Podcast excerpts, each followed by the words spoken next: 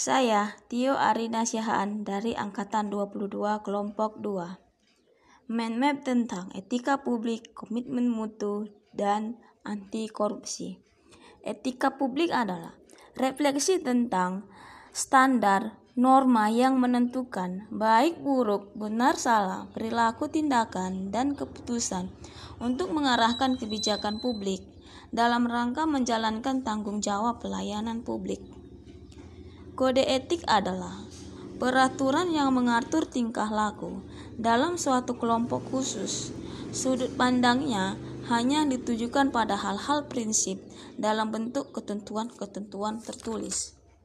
Berdasarkan Undang-Undang ASN, kode etik dan kode perilaku ada sebagai berikut.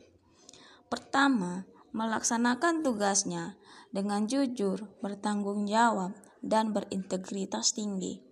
Dua, melaksanakan tugasnya dengan cermat dan disiplin. Ketiga, melayani dengan sikap hormat, sopan, dan tanpa tekanan. Empat, melaksanakan tugasnya sesuai dengan peraturan perundangan yang berlaku. Kelima, melaksanakan tugasnya sesuai dengan perintah atasan atau pejabat yang berwenang. Kedua, komitmen mutu. Nilai dasar ada efektivitas, efisiensi, inovasi, dan lain sebagainya.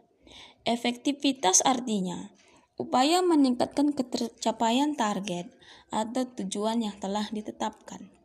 Efisiensi artinya upaya meningkatkan ketepatan penggunaan sumber daya sehingga tidak terjadi pemborosan dan penyalahgunaan sumber daya serta penyimpangan prosedur.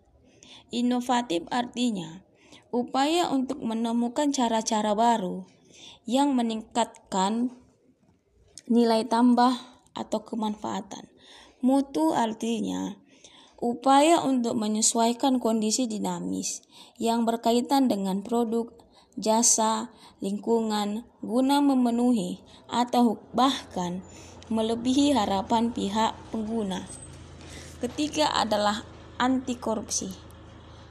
Korupsi adalah kerusakan atau kebobrokan, tidak baik, buruk, curang, dapat disuap, tidak bermoral, menyimpang dari kesucian, menorma, melanggar norma agama, material, dan mental.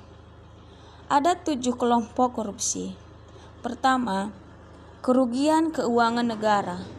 Kedua, suap menyuap. Ketiga, pemerasan. Empat, pembuat, perbuatan curang. Lima, penggelapan dalam jabatan. Enam, benturan dalam kepentingan dalam pengadaan. Tujuh, gratifikasi. Bagaimana cara agar kita semakin menjauh dari korupsi? Salah satunya adalah sebagai tunas integritas dengan menjadi jembatan masa depan kesuksesan organisasi, membangun sistem integritas, mempengaruhi orang lain, khususnya mitra kerja, untuk berintegritas, berintegritas tinggi.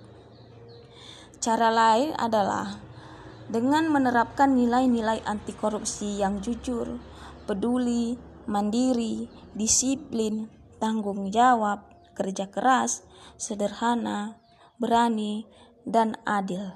Terima kasih.